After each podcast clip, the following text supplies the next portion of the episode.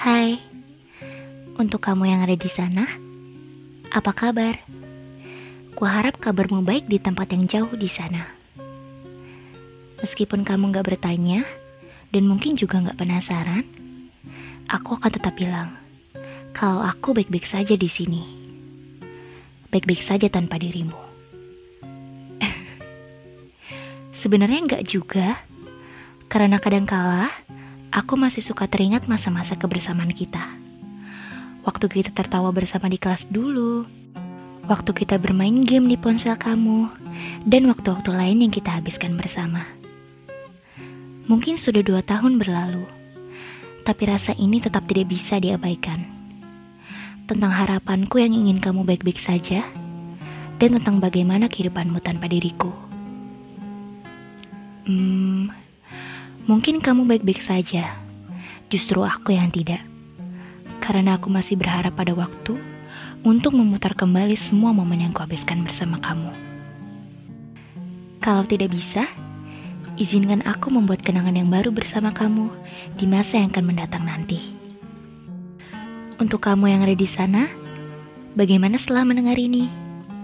Apa kamu juga merasakan hal yang sama denganku? Merindukan masa-masa kebersamaan kita dulu. Tapi sepertinya mustahil, karena tidak ada sedikit pun aku di ruang pikiranmu. Tidak sedetik pula kamu mengingatku. Atau bahkan aku sudah dilupakan olehmu. Tapi tidak apa, karena aku akan melupakan kamu segera.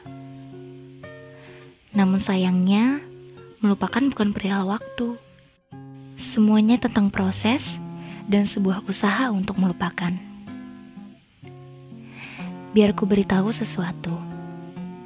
Bumi ini berputar seperti roda. Ada kalanya aku sangat merindukanmu ada kalanya juga aku lupakan dirimu. Tuhan juga maha membolak-balikan perasaan. Mungkin saat ini aku yang sangat jatuh cinta denganmu. Tapi bisa saja di masa yang akan datang kamu yang justru jatuh cinta padaku. Terdengar mustahil, tapi apa salahnya berharap bukan? Berharap kamu senantiasa membalas perasaanku. Mungkin tidak sekarang, tapi akan aku tunggu hingga hari itu tiba. Untuk kamu yang ada di sana, berbahagia selalu ya. Salam dariku, pengirim pesan klasik ini.